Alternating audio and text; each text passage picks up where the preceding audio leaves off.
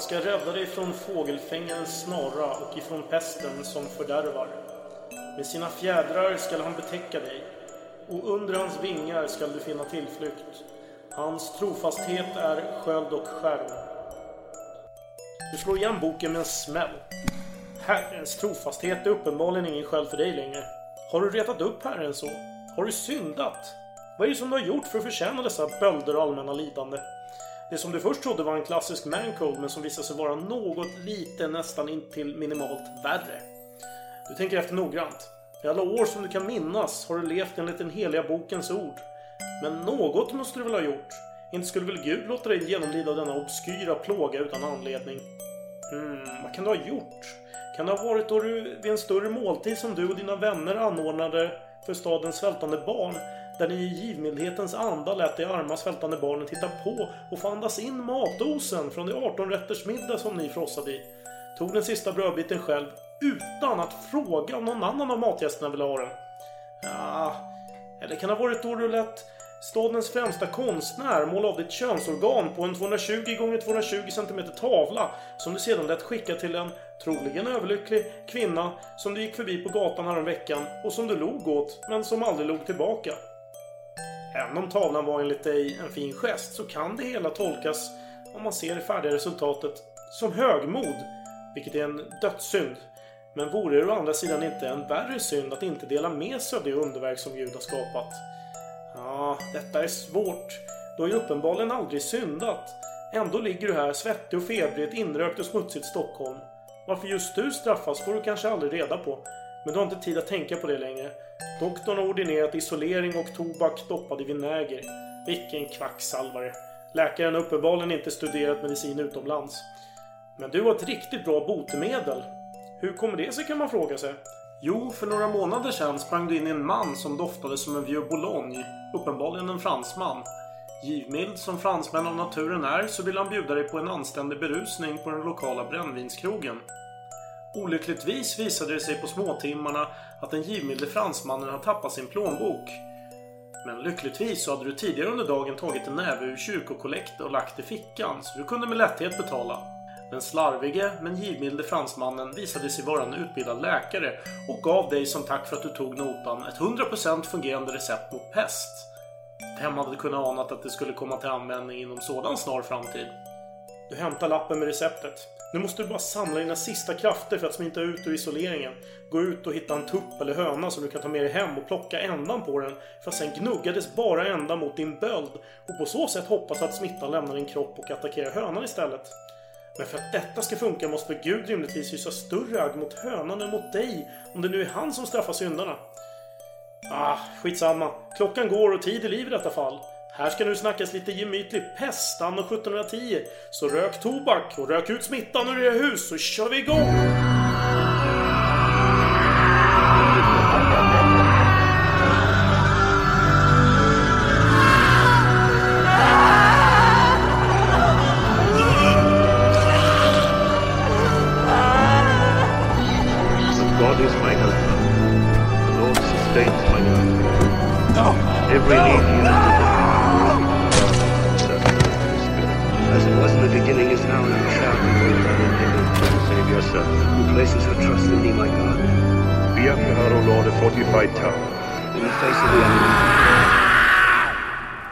Välkomna till ett nytt år och ett ny säsong. Av Salongsberusad historia, er darrande berusande vän i den historiska dimman. Ja, vän är väl att ta i, men ja. Ja, ytligt bekant. Ytligt ja. bekant. Och du, det är kul att se dig igen. Vi har inte setts på över en månad, tror jag. Är det så länge? Ja, jag är i alla fall... Nej, att vi sågs igår, kom jag på. ja, tiden går fort. Det går fort. Ja, det känns som en månad. Ja. Sä- Säkert när man är berusad. Ja, du, har varit, du har varit bortrest. Jag har varit i Vietnam Härligt. i eh, två veckor ungefär. Var det skönt att slippa all press om poddinspelning och sånt? Nej, jag slapp ju inte undan än tyvärr. Jag fick ju kämpa rejält. Jag samlade in lite resurser här, även för poddinspelningen. Ja, Eh, Jag har en vinflaska här bredvid mig. ja det är ett Och du får jättegärna risvin. beskriva flaskan. Ja, det är risvin här. Och Nå, eh, det låter ju väldigt enkelt. Det är ju en Ja, keramikflaska. keramikflaska, vit, trevligt. Något, är blå, är nästan färgblind. Det är någon blå eh, bild här Ser ut som klassiskt kinesiskt keramik med vitt och lite blått och den sådär. heter Huang Tiku Negu Tu. Fantastiskt uttal. Ja, det var det. Var, Eh, ja. Jo, det här är då inte kinesiskt utan från... Det är vietnamesiskt. Ja. Det är från... Eh, om jag uttalar det rätt nu. Eh, ja, dels är det från staden Hue. Mm. Och från dynastin förmodligen, som heter Hue. Fast stavas Nguyen. Ja. Eh, jag tror att det är i alla fall den dynastin som eh, inmundigade den här drycken. Okej. För det här är alltså ett kungligt vin, sägs det. Spännande. Det, Mm. Vi var tvungna att värma det. Ja, för det är så som jag uppfattar att man ska servera det. Det ska värmas upp. Ja. Men det är Ja. risvin som sagt. Det är Ja, rött och, och vi har redan värmt upp det. Nu vet jag inte hur varmt det fortfarande är, men Vi kan ta en skål. Eller, ja, vi, vi vi skålar på det här. Ja, ja. Ja, skål för en fortsättning. Ta mig fan. Åh, gud. Åh, helvete. Det här var... Alltså jag tycker det var ganska gott. Nej, för fan. Nu har en smak som är trevlig. Alltså... Den häller upp ganska mycket. Det känns som att det här skulle vara bra att ta på en snutt på och sen räcker det. Ja, visst, jag vaknade upp rejält av det. Eh, kan du beskriva det? Jag, jag har svårt själv. Ja, nej.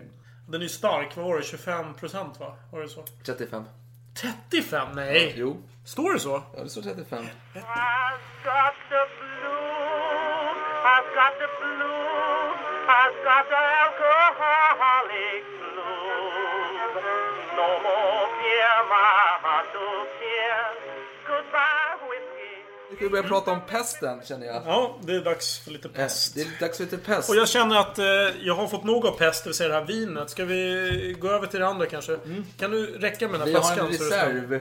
reserv. Ja, vi, vi kände att det kanske behövdes. Vi har en Chateau Belgrave. Eh, Omedoc 2010. Jag tror att den kanske faller oss våra smakgommar bättre. Hur avslutar den meningen? Till föga. Ja. Nej, men det känns som ett värdigt vin för lite Ja, snack. Alltså för pest är ju alltid spännande. Jag tänker så här, man var liten, man pratade om Mm. eh, digerdöden. digerdöden ja. Det var spännande. är så någonting. 1350-tal liksom. Det var roligt. Men nu... Pratar man om pest pratar man om digerdöden, Ja, eller men hur? det gör inte vi. vi Nej, pratar- det gör vi inte. Vi hoppar, vi hoppar fram. Mm. med några hundra år. Vi pratar om 1710. I Stockholm. Pesten. Lite okänd pest för att vara i... Alltså ingenting man läser om i skolböckerna Mm. Nej, direkt. precis. Och jag kan bara säga att eh, för det vi har som källor då, det är ju främst eh, en bibliotekarie vid Karolinska medicinska kirurg- kirurgiska institutet som heter J.V. Broberg som skrev en bok om pesten. Eh, som heter, boken heter Om pesten i Stockholm 1710 och den skrevs på 1879-talet. Och sen har vi även läst Magnus Westerbros bok Pestens år, Döden i Stockholm 1710 som släpptes förra året. Och det är också en väldigt trevlig bok tycker jag. Trevlig är lite osmakligt att säga, men... Ja, vadå? Men alltså pest är spännande. Jag, tycker, jag Ja. njuter när jag Nej, läser. men jag- ja, läser jag- fel, men... Jag uppskattade särskilt ehm, bakgrunden till varför människor beter sig som de gör och så vidare. Jag, jag, jag gillade analysen i slutet. Mm. Ja, visst var det gott vin? Väldigt trevligt. Mycket, alltså, I kontrast med... Alltså jag, jag vill inte snacka skit lite om vietnamesiska vinmakare men jag tror inte att det här vinet var till för att uh, njutas av utan det var mer som en medicin faktiskt. Och eh, ja... potensmedel. Okej, men ska vi börja snacka om pesten då? 1710. Mm. Vi vill ge lite bakgrund då. I Sverige är inblandat i det stora nordiska kriget. Som har varit i sena Ja, Karl 1700-talet. XII är och härjar och har det roligt. Ja, han är ju bänder nu. Eller han är någonstans där nere och håller på och härjar och har sig. Och det, är- det, alltså det har varit svåra svältår här i Sverige senaste tiden. Det har varit Dåliga skördar. Ja, olika naturfenomen som har hänt runt om i världen. Då. Det har varit kometer, blodregn i Skåne och det är alltså när Mm. sand från öknen har färdats och blivit, ja, regnat ner i Sverige. Och det har varit extrem hett och extrem köld och så vidare. Så, och det här, på den här tiden, det är inte så, det här är ju tecken från Gud. Mm. Och prästerna i Stockholm, de, är, de är säkra på sin sak. Det är hor. Jag har horat för mycket här. Ja, De är jävligt besvikna på svenskarna som är eh, riktigt eh, lössläppta här. Precis, nu börjar pesterna lägga sig i eh, människors liv och vad, Mm. de, vad de gör på fritiden. Och de känner att nej, men det begås väldigt mycket hor. Det är ett jättestort problem. Så att eh, det blir ju högsta... Man säga, ja, högsta prio i domstolarna Ja, framförallt. det är, jag tror att Sverige sticker ut ganska extremt faktiskt på, Mm. har jag för mig, när det kommer till just eh, rättegångar om hor. Ja, och, och då ska man säga just rättegångar för att det begås nog lika mycket hor i resten av Europa. Men det är framförallt i Sverige som man tycker att det är en stor och viktig sak att ta upp. Moralens väktare. Mm. Vad kan man säga mer? Det är, alltså högmod pratar man mycket om också prästerna. Det är, Sverige har blivit för kaxiga. Alltså, Mm. Vi har ju vår historik tänker man. Stormakt-Sverige. Ja, det har gått vi- jättebra i krig. Man tänker att svenskar det är ett herrefolk. Atlantis var ju i Sverige och allt möjligt här. Alltså det hände ju mycket. Man hade den bilden. Mm. Och då började prästen tänka, men det- åh, vi ska vara lite försiktiga här med vår självbild. Och det säger man ju framförallt då när det börjar hända otrevliga saker. Det är inte Ja. så att man förebådar det när allting är fritt och fri, alltså, trevligt. Nej, så är det inte. Men, och det man märker ändå att pesten börjar härja i Europa och den kommer närmare och närmare Sverige. Och Sverige har haft ett otur i kriget mot ryssarna. Då. Eh, och det är många människor som flyr eh, från de områdena mot Sverige. Och därför har man ju tagit... Från säk- Baltikum då. Ja, så man har ju gjort att alla skepp som kommer in till Sverige ska stå i karantän utanför Stockholm, om de ska dit då, i 40 dagar. Så här, och då kommer det, det man anser eller tror, hur pesten kom till Stockholm var ju främst via ett skepp som hette Säkersund. Som låg till här utanför eh, Stockholm. Och, men då ska man ligga där 40 dagar och den här kaptenen där, han var lite rastlös och han bara, äh fan jag måste ha en sup. Så han åkte in till eh, en krog då vid Erstaviken och sätter sig och ska käka och dricka lite. Och mitt under måltiden så dör han. Och den här krogägaren bara, Fan! Det här var ju inte bra. Att han dog när han åt. Alltså, jag tänker så här Tripadvisor-betyg. Liksom. Det ser inte så jävla bra ut. Så han, vad gör han? Fan, han, dålig käk, alltså. ja, han tar liket och gömmer. Ja, Eh, nej, jag vet inte vad som hände med kaptenen. Han bara försvann. precis. Och sen börjar jag, helt plötsligt så börjar jag märka att eh, fler dör. Och det börjar gå rykten och folk som har varit vid båten och lämnat saker. Och gjort så här. Folk dör lite hit och dit. Så man, det, man skickar ut folk för att granska båten. Och, nej, det var inga problem på den där båten. Det var helt rimligt. Man har ju bara dumpat alla lik någonstans över, bord. Liksom. Det är bara stängt av. Det har blivit en rimlig enkel förklaring. Ja, så båten fick åka in till Stockholm. Inget konstigt. Menar, pesten har ju härjat och den kommer i regelbundna eh, tio, var tionde år eller var tjugonde år. Ja, eller den har ju varit, det kan vi nämna. Den har, alltså enligt dåtida uträkningar har pesten varit eh, besökt Sverige 17 gånger sedan 1350-talet och digerdöden härjade fram till detta då. Så man var ju van med pesten. Den senaste pesten var ju 600-talet. Eh, mitt där. Eh, men nu i alla fall kommer man in till Stockholm och man ja, slår anker och ska sitta lite i karantän några dagar till där. Men de här ja, folk på roddarbåten, de hoppar in och drar iväg direkt in och de Ja, om det var 50 år sedan sist så vad fan, det, då drar man ner lite på eh. Säkerhet, och ja, ja, ja. ja, ja, det är... Och nu börjar ryktet gå, för nu börjar folk dö lite mystiskt här. Med någon böld Mm. hit och någon böld hit, dit. Mhm. Och, så, och då måste man kontakta då, myndigheterna. Och det är kungsrådet som är högst Mm. Oj, men det är ju högsta. Ja. Ja, för kungen är borta. Så, Just det. Och så- då är det ett antal grevar då som Ja. är i det högsta precis, kungliga rådet. Det är riktiga hö, högt uppsatta adelsmän. Högsta hönsen. Och de bara, men ok- okej då, vi måste väl skicka dit någon som kollar. Mm.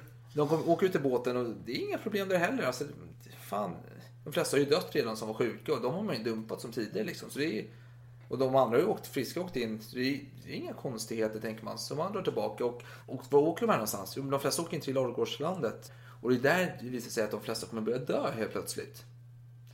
Så det, efteråt kan man lägga 1 plus 1 och få 2 då. Men på den tiden la man 1 plus 1 och fick 0. Man, man såg ingen koppling alls till detta. För det, var ju, det började dö massa människor här och det dog eh, i juli då, då eh, dog 412 personer sammanlagt i Stockholm. Mm. Och jämfört med föregående år, då var det cirka 200 som dog. Och, så nu börjar folk, ryktet går, folk börjar prata om det här nu. Och folk dör ju lite för snabbt, lite för hetsigt och lite för mycket bölder. Så vad gör Kungliga rådet? Ja, är det inte så att de tar kontakt med någonting som eh, kallas för Collegium Medicum som var en organisation som bildades efter senaste pesten. Jag tror det var Eh, 1663 660... va?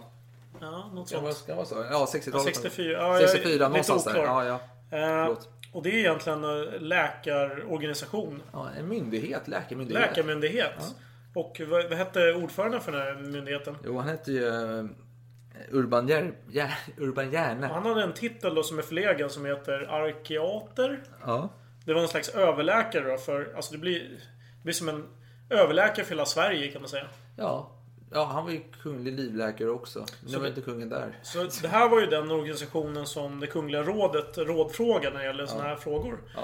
Det här är ändå en, ett paradigmskifte. För tidigare så var ju religionen absolut viktigast. Så var det prästerna man frågade kanske. Mm. Men nu är det alltså läkare som man frågar om just den här typen av frågor. Ja, men läkare har ju gjort en framsteg alltså yrkesmässigt. De har ju gått från att vara ja, me- medium till att gå väldigt högt upp i... Man kan fråga sig varför. För De är jävligt deras, dåliga. de är, men deras kunskap var ju väldigt förlegad. Det har ju inte hänt någonting på, vad var det, 1500 år eller liknande. Så att allting som hänt sedan dess, i stort sett, det var ju bara spekulation, att de försöker bygga en image och... Ja, de Ja, sina erfarenheter. Ja. Som drar ju lite felaktiga slutsatser. Nej. Hur som helst, det här var då de högsta myndigheterna när det gäller den här typen av frågor. Precis, och det var ju, det var ju den 4 augusti då som eh, Kungliga rådet bad eh, Collegium Medicum att börja diskutera saken. Och det dröjde till den 9 augusti innan de började samlas, Collegium Medicum. Så det är alltså fem dagar de sitter och inte gör någonting.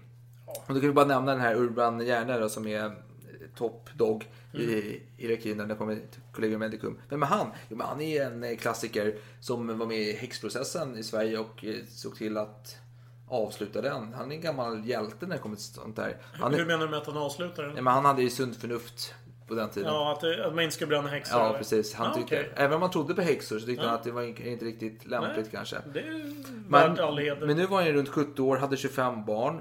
Och förutom Oj. just den här häxprocessen och den här pesten då, som vi pratar om nu, så är han kanske mest känd för sitt citat där han sa en gång att det är lättare att lära en sugga att spinna och en tack att väva än att lära en svensk bonde något nytt. det, det spelar hans Ja, bild utav... Och det speglar lite ståndssamhället också. Ja. För det får man ju tänka på. att Det var ett syfte med det liksom. att Man gjorde sin... Man, ut, Mm. Ja. man fyllde en roll. Ja, man, man offrar lite frihet. Men då är det någon annans ansvar att se till att det funkar. helt enkelt. Och ta hand om dig sen när du behöver det. Exakt. Ja, men i alla fall, de samlades den 9 augusti då, och det var sex läkare som är med i, i det här rådet då. Och, och eller ja, Collegium Medicum. Rådet har ju bett dem att ta fram en handlingsplan om det skulle vara pesten. Hur ska vi agera om det är pesten? Det är en som har sett pesten på nära håll. Eh, och han är inte på plats. Och det är nämligen Herman Nikolaj Grimm som också är 70 år. Och han är son till Nils Grimm som var Gustav II Adolfs eh, fältskär. Han har studerat medicin i Köpenhamn och så vidare. Han har berest, han har varit skeppsläkare och pestläkare i Indonesien. Och han blev själv smittad utav pesten när han var 25 år gammal. Men över, överlevde uppenbarligen. Men han är inte på plats där, utan han gör någonting annat den här stunden. Nej, en pestläkare, vad är det egentligen? Jo, men det är någon som, en läkare som är helt fokuserad på pesten.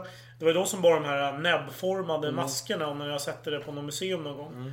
Lite skräckinjagande, fyllda av kryddor och sånt som ska Precis. rena luften. Vi kommer gå in lite mer på det Ja. senare. Precis, men man kommer fram ifall man sitter de här, de som inte har sett pesten på nära håll men ändå är läkare.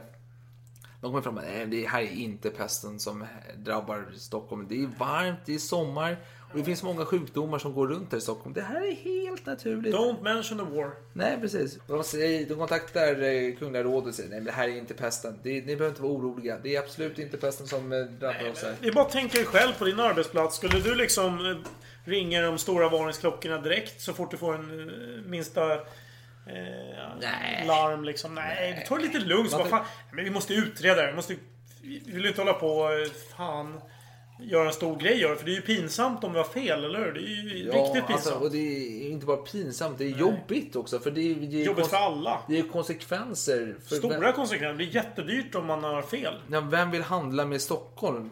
Om det är pest i Aj, Stockholm. aj, aj, aj. Det, fan, det kan bli hungersnöd. Vi har ju redan problem med skörd. Det har varit riktigt dåliga år nu på senaste tiden. många det fattiga som har flyttat till Stockholm och Ja. bosatt sig på uh, Skeppsholmen där Ja, hur ute. skulle det bli om, om alla matleveranser stryps mot Stockholm? det funkar ju det inte. är kört. Man måste, man får, måste vara säker innan man går ut på sådana ja, här saker. det tycker jag. Men sen dör folk vidare och en läkare vid namn Westmüller kontaktar det Kungliga rådet direkt. Han går inte via Nej, Collegium men Medicum. fy! Det får man inte Det göra. kan man inte nej, göra. Nej, nej, men han gör det i Det är alla ett fall. ståndssamhälle. Man måste gå via rätt kontakter. Precis. Nej, men han gör det i alla fall och han berättar att det är någon som är insjuknat och dött efter tre dagar med en stor, stor böld under ena armen. Och detta är utan tvekan pesten.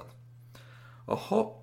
Och då kunde rådet kontakta en läkare från Collegium Medicum och bara vad fan som händer? Det, denna läkare heter Johan von Horn. Eh, och eh, de förhör honom där och säger, kan det vara pesten? Och han bara, ah, alltså man kan ju faktiskt få bölder utav feber också. Och då är det en i eh, rådet då, som heter Vrede som noterar, eller kommenterar, men den här gubben hade ju inte feber. Och hon bara, ja jo förvisso men det kan ju vara vad som helst liksom. Det är ingen pest i alla fall. Man litar inte på den här Nej. personen helt enkelt. Och den här Westmiller, han är lite intressant på så sätt för att han har inte utbildat sig utomlands. Han har bara Aj, gjort aj, aj, tjänstgöring i Ja, Sverige. då går det inte att lita på och det kan inte man leta på. Nej, men det är det- som om vem som helst skulle säga någonting. och det är som den här, och Horn och Westmüller, de var konkurrenser om en tjänst som eh, stadsläkare eh, 1709, alltså året innan. Så de har ju en liten spänd relation här redan innan. Så nu är Collegium Medicum, de bara, vad fan, kallar på den här eh, Westmüller och förhör honom så här, du, vem tror du att du är som kommer förbi oss? Liksom. Mm, precis. Han bara, nej men jag har inte sagt någonting om någonting. Jo, men du sa att det var pest, vad vet du om pest? Precis. Det, Jag vet ingenting. uppgifterna är sekundära. Det är ju liksom rangordningen. Man ska Ja. ju prata med rätt person. Man ska inte komma upp till Kungliga rådet och komma med sådana grova anklagelser. Mm. Det blir ju fokusområde istället. Bara, vad fan, prata med Kungliga rådet? Du ska prata med oss för. Nu, oavsett vad du har att säga så ska du fan inte säga så. Det- Det är det de fokuserar på, Collegium Medicum. För de har ju sin egen prestige att se Ja. till. Ja, men det är ju så. Och den här Westman, han tar tillbaka allting. Han bara, nej men jag har inte sagt något om sjukdom. Det kan varit... Nej. Nej, jag har inte gjort någonting. Jag har inte pratat... Alltså jag har inte gjort någonting. Jo, Det locket på. Det Ja, locket alltså. på. Och sen dröjer det några dagar. Det är 17 augusti så får Järne hembesök. Och det är en orolig skräddare från Ladugårdslandet som berättar om en sjuk man med stora bölder i samma hus han bor. Och det är redan dött 10 personer där. Säger Järne. Ja, han suckar. Men han har inte bråttom utan han tar, han tar kvällen på sig. Äter middag, går och lägger sig. Vaknar, äter frukost. Sen sammankallar han eh, rådet då, Collegium Medicum. Då har ju den här Grim äntligen kommit till plats. Den enda personen som har sett pesten med egna ögon. Och de bestämmer sig att de ska åka ut och titta hit då. Inte Järne då, utan han stannar på tryggt avstånd. Men de andra åker ut och de noterar att här ligger döda människor och barn lite överallt. Alla bölder och det är utan tvekan pesten. Enligt vem? Enligt Grim och dem då. ja, ja, okej. Ja. Och, eh, och, men hjärnan tänker så här, men vad fan, pest låter så aggressivt. Det här är inte bra. Alltså. Det ser inte bra ut i årsslutet här. Nej, bokslutet. Va- va- va- att man har haft pest. Ja, Nej, fan. nej, jag tycker vi säger fläckfeber. Det låter mycket trevligare tycker jag. Ja, vi börjar med det. Vi börjar med det och ser vad som händer. Och nu ska ju gärna informera det Kungliga rådet. Han erkänner att det kan finnas en liten pest i Stockholm. Men bara lite liten och eh, folk dör ju inte så hastigt. Så det, här kan inte vara så aggressiv och allvarligt. utan är en mild variant utav pest här. Men han berättar även att eh, de gjort klart den här pesthandboken. Så den går att trycka om man behöver. Alltså om det skulle vara det, ju, det, det ska man ge credit till Collegium Medicum. De Mm. hade ju tidigt begärt att man skulle skriva en eh, handbok då. För Ja. hur man ska skydda sig mot det här. Precis. Och det står att man ska, hur man ska bete sig. Det är ju som här, de här som lämnades ut förr i tiden Mm. under kalla kriget. Hur man ska göra när Ja. eh, signalen kommer. Jo, men det känns ändå som att de har ännu mindre att komma med här. Mm. Eh, för att man har inte kommit till den punkten när det gäller medicinsk vetenskap. Att man överhuvudtaget kan bota pest. Fast det finns ju ingen botemedel. Nej, jo, Eh. det finns ett. Mhm. Det, man ska be till Gud. Ja, okej. Så det, ja, det, det är så- finns inga botemedel som kanske fungerar. Nej, för det är det de skriver. Man ska be till Gud och därefter ska man rena rummet, röka ut rummet, tvätta och städa. Det är de Stort här. fokus på luften, eller hur? Ja, för man tror ju att... Man är livrädd. Ja. Man tror till och med att, att eh, pesten kan smitta genom fönster. Så att, till och med om man ser, alltså, det, ja, det är på en extrem nivå. Ja, den smittar via luften tror man helt enkelt. Mm. Och man måste även ha gott humör för annars fäster sig eh, pesten direkt om det är negativ. Just det. För att man tror ju här lite att eh, själ och kropp eh, hör ihop på något sätt. Att sjukdom som manifesterar sig i kroppen, det har lite att göra med själen. Så att det betyder att om man är sjuk, då är man förmodligen... Då har man något fel helt enkelt i huvudet också. Så det är lite pinsamt. Framförallt pesten, det är ju det värsta man kan ha.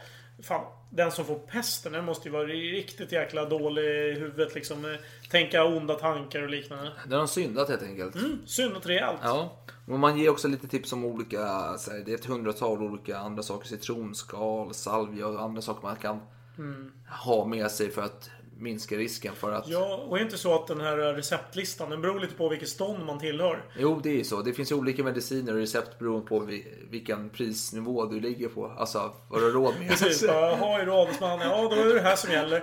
Men ja, det funkar lika bra som om du hade varit bonde och jag hade preskriberat det här. Men eftersom du är adelsman så får du ett annat recept. Precis, lite dyrare, men det- det är värt det. Alla accepterar det och ty- tyckte inte det var konstigt.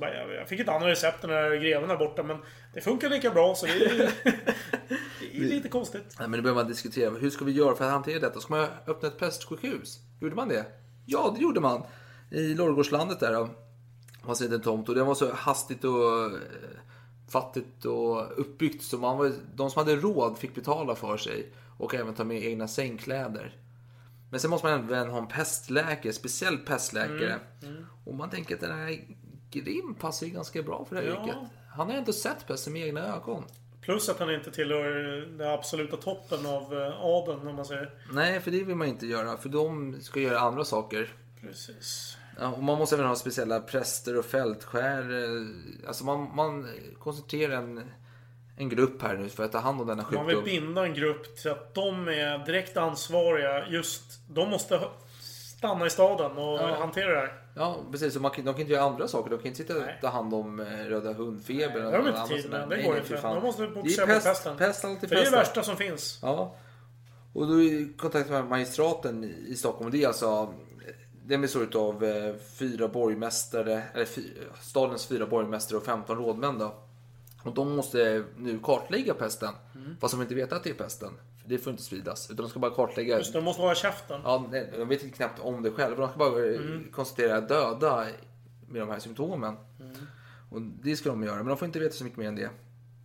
Och, eh, men gärna, alltså, han har inte bråttom med saker och ting. Han är en ganska indolent man känns det som. Alltså, han tänker så här, pesten drabbar först och främst fattiga. Mm. Jag är inte fattig. Nej, Jag, jag är ganska safe här liksom. precis. Det här är en isolerad händelse. Ja. Ja. Och varför inte? Alltså, jag vill avvakta med att gå, publicera detta offentligt om att det är pest. För jag tänker ändå att det drabbar inte någon Mm. Han har ju allt att förlora på att göra, gå ut med det här tidigt. Det drabbar ju ingen rik. Nej, så länge det inte drabbar någon som Nej. är Men betydelsefull. för att vara på säkra sidan så tänker jag att jag vill ändå ge hovet tid att eh, förflytta sig till säkrare marker om det skulle behövas.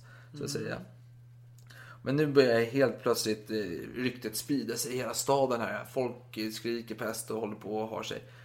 Och nu tycker den gärna att nu har det gått för långt. De sitter och pratar om pesten. Nej, nu måste jag göra något åt detta. Så han eh, publicerar en artikel i Stockholm Post-tidningen. Alltså det var ju statens tidning på den tiden. Där han skriver att de måste stoppa det här elaka ryktet om pest i Stockholm. För det finns inget sånt i Stockholm. Det finns absolut ingen Oj, pest. det var starka ord. Ja, det, nej, nej, det är bara sjukdomar som går runt där, men ingen pest. Så nu får ni sluta. Det skadar bara Stockholms rykte som en stormakt där. Och detta sker alltså tio dagar efter att han själv har stått och berättat för kungarådet att det var en pest som begicks i Stockholm. Sant. Eh, och då, under den här tiden har magistraten räknat ut att 150 personer hittills har dött. Under den här perioden till följd av pesten. Och det är en, under en månadsperiod eller? Nej, under, ja, från den här början på augusti. Det här rör sig om några dagar helt enkelt. Ja, för är det inte så att... Ja, vad kan det ha varit? 200 personer eh, månadsvis dog naturligt i Stockholm Ja, tidigare. jo, ja, precis. Men nu har man ju, i jul hade man ju fördubblat den siffran. Ja, Och precis. Nu, Och det är lite oroväckande. ja, det får och man ju nu, säga. här i augusti var det också 150 döda på någon vecka här. Det är, det är lite, oro, Det är ganska många ja. ja, Mm. det är lite oroligt här. Där borde man oroa sig kan man tycka.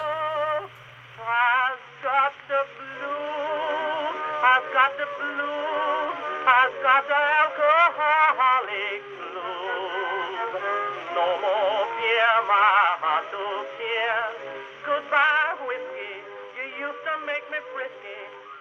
Nu kan man fråga sig, eh, vad, hur, hur märker man att man har pest? Hur går sjukdomsförloppet till egentligen när man har pest? Mm. Då har vi en doktor som heter Magnus Gabriel Bock. Som var verksam i Norrköping. Han beskrev pesten som det här. Att den kom som en klar blixt. Det kändes som att Gud knackar på. Man får hög feber och krampaktiga kräkningar. Olidlig huvudvärk. De flesta får rysningar och benägenhet för sömn samt en stor ängslan. Känsla av att brinna invärtes och utvärtes. Samt som en stor köld så att de darrar och ryser. Sen kommer en osläcklig törst samt till en yttersta grad modlöshet och förtvivlan. Ansiktsuttrycken förvidna och ögonen hetsiga. Tungan är torr och skarp och andedräkten kort och besvärad. Pulsen varierar mellan att krypa fram och galoppera. Många upplever stickningar i lår och under axlarna. Sen kommer blåaktiga fläckar eller svarta strimmor som om man hade piskat sig med ris. Svarta kallbrandsfläckar syns på tårna, under fötterna, fingrarna. Lymfatiska körtlarna sväller upp. Kan bli stora som tallrikar. Sätter sig oftast i ljumsken, bakom öron, halsen, armhålan, armvecken. Vid blodig diarré och näsblod är döden nära. Ja, och det är så här, det är, så är det även i dagens samhälle. Trots all medicinsk utveckling vi har här. Så har du blodpest, tyvärr, du är körd. Ja, men och sen blir det så här att en annan effekt av pesten är att några blir galna helt enkelt. Och det gör ont att ha pest också. Det kan göra ont. Alltså, det Nej, finns ju många alla. vittnesmål. En del eh, bara sjunker i en djup sömn och dör. Ja, Liksom. vissa går på gatan Trevligt. och hälsar och sen helt plötsligt ligger de på marken Ja. och annat. Det finns ju olika typer av pest. Det finns ju, som, som du redan har nämnt där, blodpest. Och det Blodpest, finns andra böldpest. böldpest. Och det manifesterar sig olika. En del är som sagt friska in i det sista och sen dör. Mm. Och andra har ju extremt plågsam, utdragen död. Där de kastar av sig alla kläder och blir helt galna och skriker och vildar. Precis. Vi måste komma ihåg att den här Stärkesundbåten, det var ju i slutet utav juni. Alltså utanför Stockholm. Så nu är vi inne i september.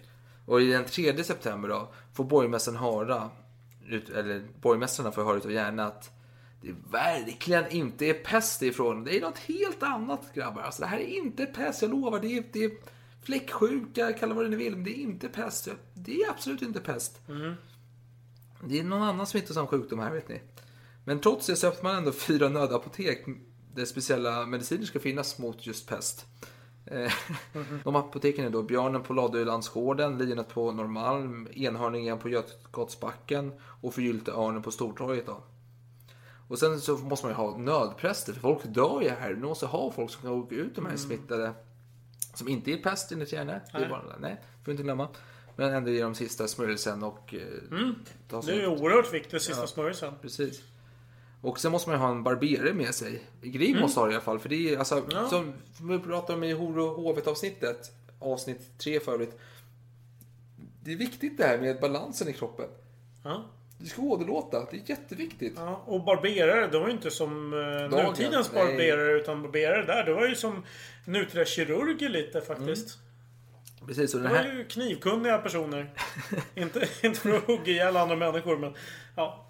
Du Ja, och det är så här att eh, man hittar en man vid namn Sir Vogel. Ser jag rätt? Jag vet, ursäkta mig det uttar. eh. Sir Vogel. Ja, Zirvågel. Ja. Sivågel. Och han är jävligt motvillig. Han har ju barn och fru och allting. Men han får bra cash alltså. Det är bra betalt det här. Och han tänker väl ändå på sina, de som, hans familj, att de ska få det lite bättre. Så han, han accepterar att gå runt där. Och man har ju ändå under den här tiden, man har ju fixat alla förberedelser. Man har nödapotek, man har pestsjukhus, man har nödpräster, nödläkare, barberare och allting. Och man har även gjort en föreskrifter som man kan ge till folket. Hur ska ni bete er för att eh, lindra att den här sjukdomen sprids? Men det är inte så att man på pappret har gjort det. Men har, har det här pappret verkligen spridit sig? Nej, för det finns ju ingen pest enligt Järne.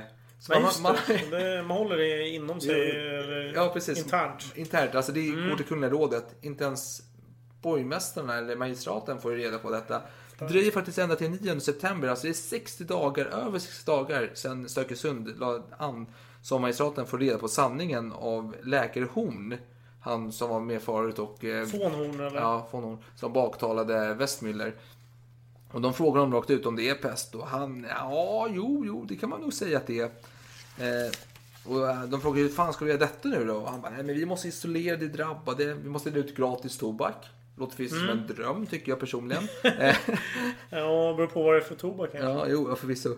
Och i stadsdelarna får man ett hus som börjar stå tomma tack vare sjukdomen. Där man kan slänga in sjuka. Så det är ju tur och oturen liksom. Att oj, nu har alla dött i det här huset. Bra, vi använder det som en eh, isoleringslokal liksom. Släng in skiten. Ja. Och sen så måste man ta fram likkistor som man kan använda om och om igen. Och som, man, som går runt stan och plockar upp alla döda lik. Då. Då, Ja. De får ju plats med 14-15 lik per vagn. Då, liksom. Så man fyller dem och så drar man vidare och begraver skiten. Och så, Så många ändå. ja, 14-15 Med, stycken. med individuella kistor. Ja, ja det, det, För, för visst ja, var det- så att man kanske i början eh, körde med individuella kistor. Men så blev det urartade det sen. Ja, det, ja det, det vet jag faktiskt inte. Det kan vara Mm. så. Men sen blev det ju mer att man slängde bara på kropparna. Ja, det, det blir lite värre för det syns ju. Mm. Det är inte så att man kan anonymt eh, köra runt med en massa eh, kistor. Och att eh, alltså en masskista eller man säger så. Utan att folk ställer frågor. Ja, nej, nej precis. Det måste ju vara lite diskret Mm. utfört detta. Men det sprida sig snabbt och som vi nämnde tidigare på Skeppsholmen. Det är ju massa fattiga flyktingar som har kommit från övriga landet. Som sitter och bor. Och då åker den här barberaren ut då, Grims barberare.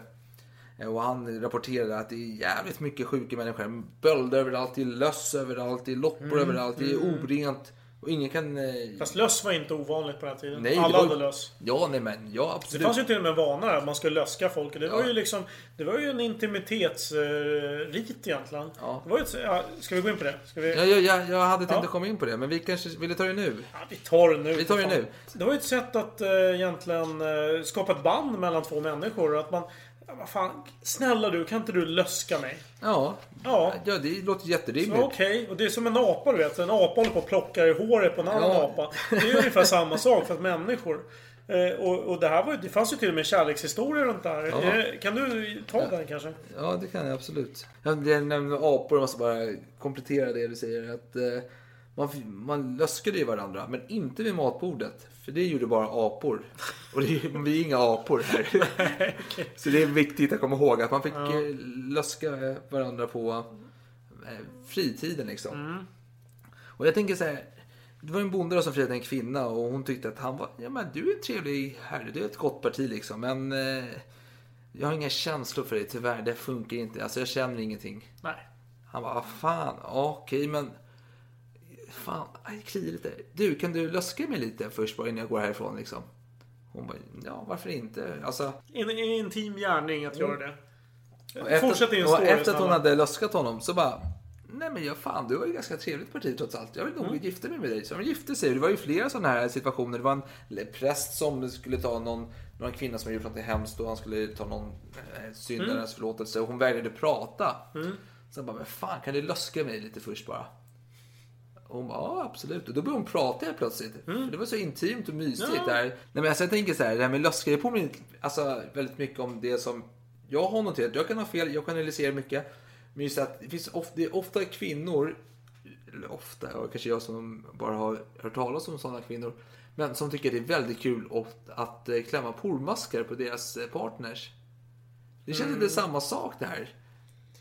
Så nästa gång du går på Tinder-dejt och du, hon säger nej när du träffas när det går så, så är det så vänta, jag har pormaskar. Ja. Ja, det kanske blir en annan historia sen. Eh, Spännande. Ja, så kan det vara. Ja.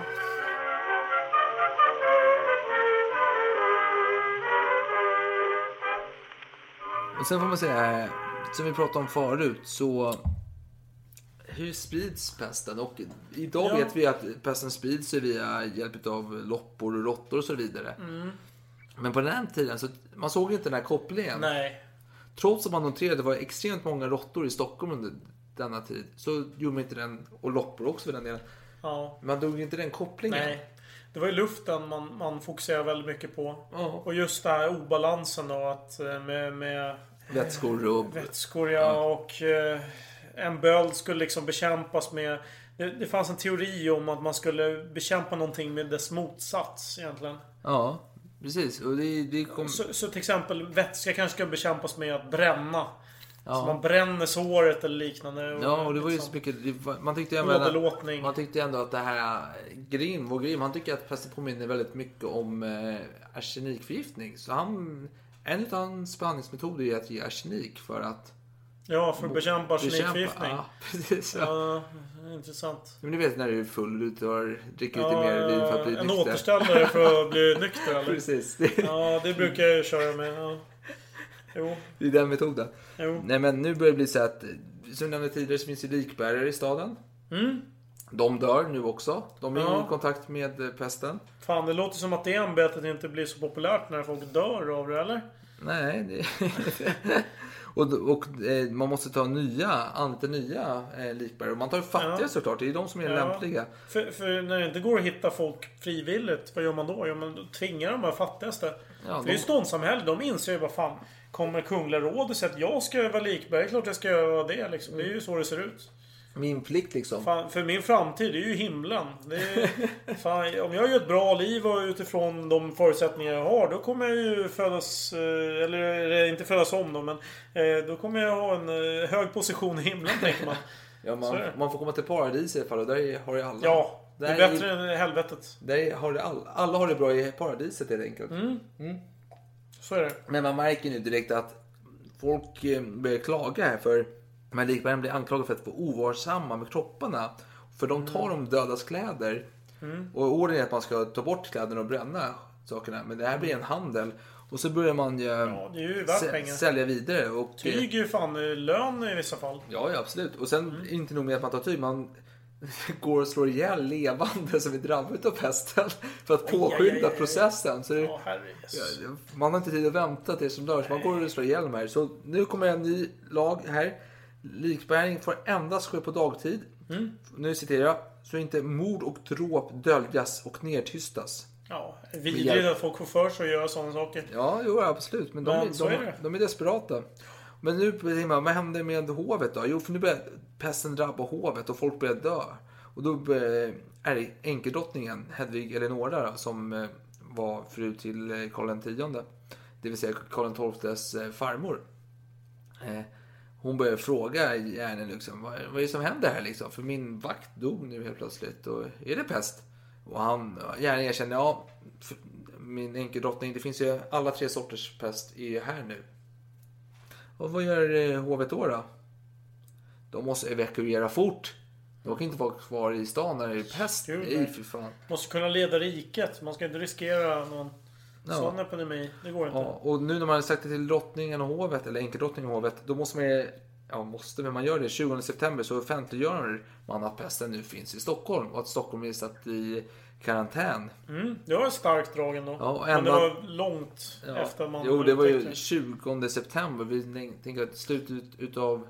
Eller början utav juli så Ja. fick man ju ändå eh, information om detta. Så det har ju inte gått snabbt direkt. Man ska säga att sådana här epidemier, de stoppar man ju bäst i början Ja, förstås. precis. Men visst, med dåtidens medicinska kunskaper så var det kanske Ja, svårt. jo men... Ja. Men även Vi- vi- byråkratin stod emellan. Jo, vi kan ändå komma in på lite senare Det kanske. kan med Mm. alltså, hur Stockholm utskiljer sig mot övriga Europa vid pestepidemier. Exakt. Men det blir offentligt och endast de med sundhetspass som är utfärdas av läkare Mm. får lämna staden. Just det. Förutom adeln. Precis. Det fanns ju undantag såklart.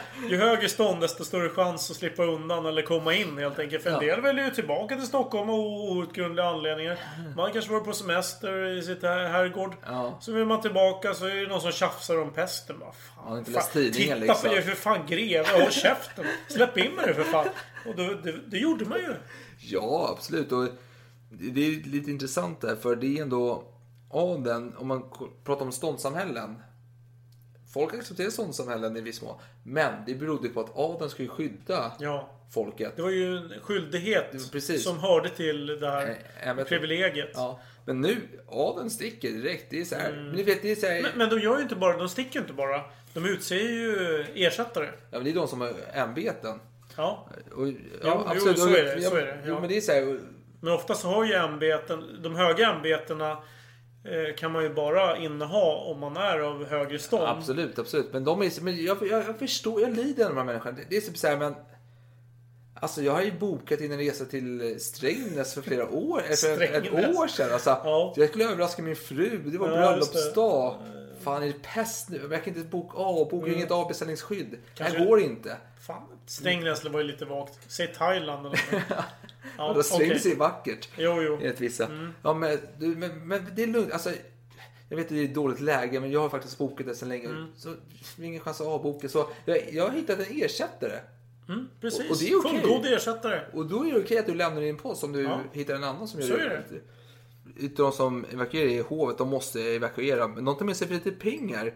Vilket gör att de har svårt att betala för nya hästar. För man måste ha nya hästar allt eftersom för att komma bort. Och de ska åka iväg till Bergslagen i Sala stad, där, Salaberget. Där det finns fin och trevlig luft. Då.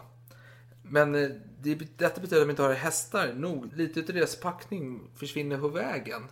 Men de lyckas ändå, som tur är, få med sig 10 000 liter tyst och franskt vin. Och vem är med i Sala då, när man isolerar sig med hovet? Får, får jag gissa? Den här arkeaten eh, Järne. Precis. Han känns ju som en lite, ja, feg typ. Ja. Och Han, han, jag vet inte, han, han har varit otroligt långsam hela tiden här. Men nu får den här 70-åringen springa i benen. Nu är det så här. Jäklar vilken fart han får upp till Sala nu. Alltså han måste vara med. Ja. Det är så. Jo. Han vill vara nära makten, han vill vara långt från eh, faran. Han är en, eh, ja, kappvändare utan dess like. Ja, absolut. Och nu att många börjar lämna Stockholm. Men hantverkare får inte lämna Stockholm. Nej, för de har ju en plikt mot eh, Karl XII Sverige som måste producera vapen och utrustning. Ja, för ja. Karl XII har ju stora ambitioner. Ja, han ska attackera ryssarna igen. Han har ju pratat med turkarna och osmanerna ja. Ja, och sagt att nu ska ni komma här. Nu jävlar. Nu Så det, är, jävlar. det, är full, det är fullt maskineri här. Fan, ingen får sova. Nu ska man tillverka bössor Ja, och allt ja. möjligt. Pest är ingenting. Vad är lite pest. mot eh, krig? alltså, det är, Ja, visserligen vet jag inte om Karl XII vet om att det är pest ännu, men... nej, men han, han, Hade han vetat hade han inte brytt sig. Utan det det är är ingen skillnad. kör på bara. Ja. Mer enkla Nej, men, och som vi nyss nämnde så var det så här, Storens borgmästare och rådmän måste ju stanna om de inte hittar en ersättare. Mm. Och överståthållare Knut Posse han är högst upp i den här hierarkin i, Mm. eh, I Stockholm. i Stockholm. Och eh, han säger så här, Fan, alltså, jag, är lite, jag är lite för gammal för detta. Alltså, jag, jag borde åka ut och vila för lite frisk luft. Jag åker till Arboga. Det jag, jag, men jag hittar en ersättare. Och så man hittar en ersättare i form av eh, Jakob Burensköld Och han är en man, 54-55 års ålder. Generallöjtnant och landshövding för Östergötland. Och han vägrar. Det är ju sjukdomar i Stockholm. Jag åker inte dit frivilligt. Men du får jäkligt bra betalt. Förutom din vanliga lön. Så får du en halv riksrådslön samt fri ved och boende i slottet. Och dessutom får han tillgång till hovstallet och hästar, vad han vill. Samt 200 liter rent vin samt 300 liter franskt vin. Oj, 300 liter franskt vin. Ja, och 200, så 500 liter vin får han. Fan, hur många dagar klarar man sig på det? Ja, det är i alla fall den här krisperioden. Ja. Och jag tänker ändå, så man nära döden så vill man ändå vara på det säkra med att man får dricka gott innan man dör. Exakt, om man ändå tror sig dö ja. Mm. Ja, precis. Och Burenskiöld, han är, han är motsatsen till Järne kan man säga. Han är risk och kry och... Men Han är en doer. Ja. Det är till skillnad från Järne som är en... Ja, not doer. Motsatsen, jag vet inte. Ja, det precis. Men Någon som inte gör ett skit. i början av oktober så får ju Burenskiöld, då är han i tjänst alltså, då börjar han arbeta. Och han bestämmer att nu måste vi röka staden för man tror att man kan röka bort den här smittan. Just det. Och tre gånger per dag ska man röka enris och kära. Det är klockan 7, klockan 12 och klockan 17. Och man tror även att man ska undvika yllekläder för det är inte bra att ta på sig för det drar åt sig pesten. Så Inget ylle, det vet ni nästa gång ni åker ut och blir åker till pestdrabbade områden. Inga yllekläder. Inga ölkläder. Nej. Nej, ta något annat. Latex någonting, jag vet inte. Just någonting det. som inte... Visst är det så att man ringer klockan varje gång någon dör också? Ja, för de som dör så ska man ringa klockan. Mm. Tick tack, tick tack. Just det. Det är lite obehagligt om det ringer alldeles för ofta. Ja, men nu är det oktober och då ringer inte så jätteofta. Ringer Mm. Nej. lagom. Nej, lagom. Nej, inte lagom. Alltså, det ringer lite för ofta, men det är inte, Ja, ja, ja, inte, det är inte extremt. Det är inte Alltså. som man blir, eh, ja, får tinnitus. Precis. Man bestämmer nu att man, man hade ändå planer i början av augusti-september Mm. som man inte genomförde. Men Burenskiöld säger landsätt dessa planer. Detta ska komma igång med. Alla ska få den här pesthandboken. Hur man ska det, bete sig. Mm. Och hus eh, sätts i karantän då. För visst var det så att hans föregångare hade absolut inte sett till att det här verkligen kom ut? Nej, nej. Herre. Utan det var ju, det var ju han buren själv. Ja, Burenskiöld. Han tog det. Och, till att det hände. och nu här, husen måste man ju måla med vita kors om det är drabbade i det. Just det, för att markera att här inne så är det smitta. Men det finns undantag. Det, detta skiljer Stockholm från många andra ställen i Europa. Att Stockholm så är det så att folk börjar klaga. Jo, för det fanns ju det fanns ju nackdelar med att ha det där kro- korset va, på sin dörr. Ja, du fick inte gå ut. Nej. Nej, och då skulle ju folk komma med mat till dig. Det var ju vakter, Ja, ja, ja. stadsvakten kommer med mat och ger dig. Och, Ja. Och du kunde inte göra det du skulle göra. Nej. Och folk blev lite upprörda. Vissa började sudda upp ut den här äh, vita korset. Ja, men det får man inte göra. Nej, det det är dödsstraff på det. Oj, men vissa... så pass. Ja, men vissa... Men, men vä- vänta nu. Är det inte så att dödsstraff, det låter ju jättehemskt att få dödsstraff. Men, vid den här tiden så utdelas det jättemånga dödsstraff. Men, om man överklagar det här till hovrätten så mildrades det väldigt ofta. Ja. För man tyckte så nej men vad fan. Ja, jo, jo, det är dödsstraff. Men vi är milda, vi är lite kristna så här, Vi är lite, vi, vad ska man säga, Nya Testamentet här. Vi, vi eh, mildrar det här till någonting eh, enklare. Ja, jag vet i alla fall att Gustav III var väldigt mycket för just att eh, ta tillbaka dödsstraff. Men den här tiden så fanns det ett annat problem. Ja. Eh, det var innan Gustav IIIs tid då. Och det var ju att det fanns, folk dog ju. Så rättsmaskinen var lite problematiskt för om du hade någon som var anklagad för hor. Jaha, du är anklagad för hor, men mannen, mannens fru, vittnena, alla har dött.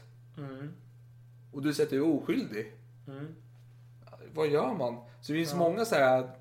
Ja, Och, framförallt hor vill man ju ändå bestraffa i dessa tider. Hor är ju en synd alltså. Så du måste ju ändå visa... Visst. Det är väldigt många knepiga rättegångar. Så vill- Ja, det blir ju subjektiva bedömningar av domarna va. För Ja. en del var ju lite mildare. De bara, Nej, men jag vill, fan, jag, jag vill verkligen inte döda dig när det finns lite tvekan här ändå. Ja, nej, men vi... Eller? Ja, precis. Och det var någon som blev dömd till att gå på 16 gudstjänster, tror jag det var, för hor. Och, Mm. Ja. det, och då kan vi tänka på att lagbok på den tiden var ju dödsstraff för eh, dubbelhor. Men här var det gudstjänst Men, men vänta, just när det gäller dödsstraff, är inte det lite obehagligt? Vad jag läste så var det så att män, de eh, hängdes oftast. Men kvinnor, de hängdes inte för att det var lite skamligt att eh, folk kunde titta under kjolen Ja, och så. här. jo. Det var obehagligt.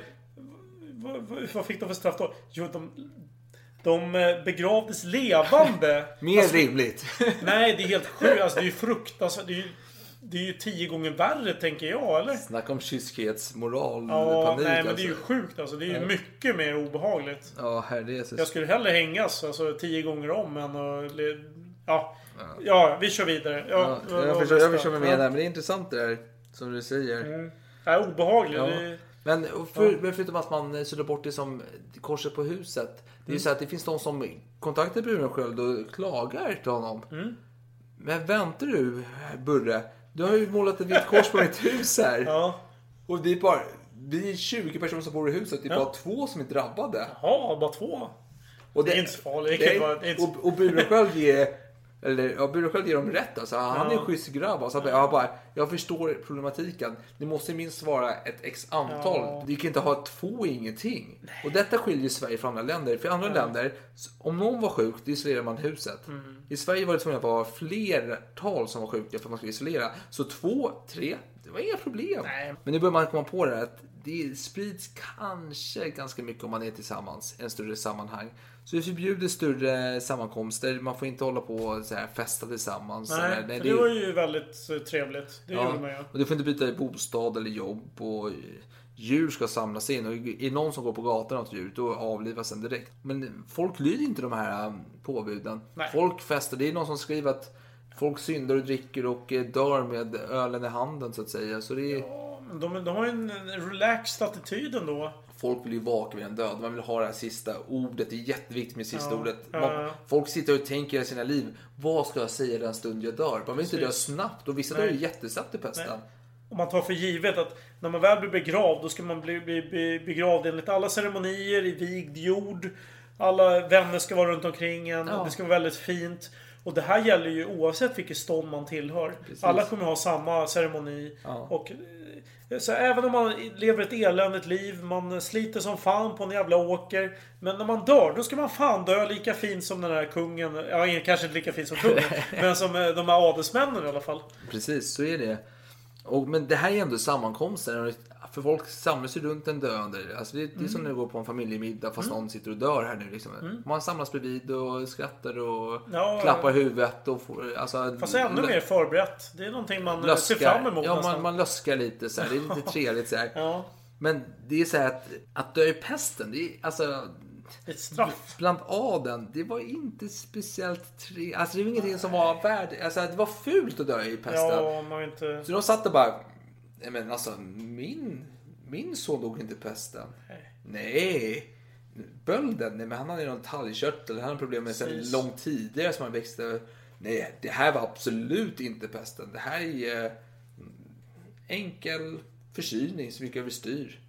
Och det hör ju lite till det här vi pratade om tidigare om att sjukdom i kroppen hör till sjukdom i själen. Det vill säga, har man någonting fel i huvudet, ja, ja då kommer det manifestera sig i den här kroppsliga eh, Precis. sjukdomen då. Och det är någonting man inte vill eh, gå Nej, ut med. och, och de här, man kan nu bara spekulera, men jag kan tänka mig att de här människorna ändå hade makt och medel och döljer detta ganska Mm. bra. Absolut. Alltså det är så här, Ja. jag kontaktade min husläkare som Ja. skrev under att detta var bara en simpel eh, näsblödning som gick överstyr. och Precis. Sen är det lite suspekt kanske inom din adelskrets där på kanske 10 människor. Två, tre pers bara dör ganska snabbt. Bara, inte pesten, nej absolut inte. Bara, Fan det är ju pest i staden i och för sig men nej det är inte pesten. Ja, ja, vad kan det då vara? Ja, äh, vem vet? Vem vet, skriv något. Ja.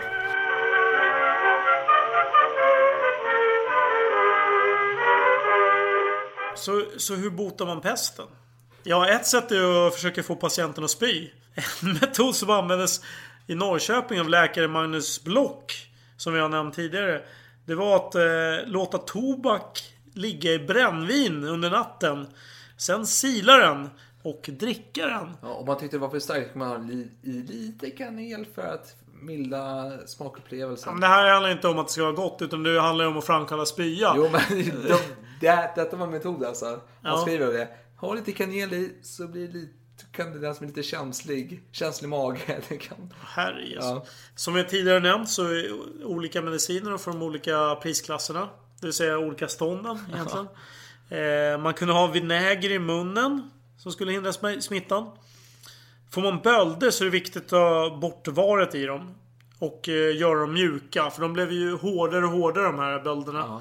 Och man använder sig av till exempel djuravföring då för detta. Och sen finns ju en gammal, jag vet inte om den användes på riktigt, men det går i alla fall en historia om att man skulle ta en höna och plocka ändan på den och sen gnida dess analöppning i salt och sedan på bölden så giftet skulle sugas ut från dig in till hönan.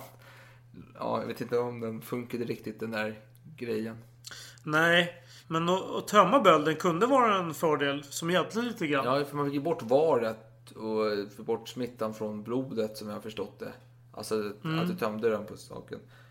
Men sen var det ju så att vissa var ju, bölder var ju så jäkla hårda. Ja, så man var ju tvungen att använda sig av syra eller elda på den liksom för att den skulle spricka. Ja, det var ju många som dog av rena chocken. Alltså att det gjorde så jävla ont och var hemskt. Ja, verkligen. Ja. Men det är ju så här att en, vår hjälte, eller antihjälte, Grim klagar på stockholmarna då de inte lyder hans order som läkare och många unga medelålders människor dör väldigt fort tycker han. Men om man hinner ut i tid så kan han rädda dem om de inte får svarta fläckar för då är det kört anser han.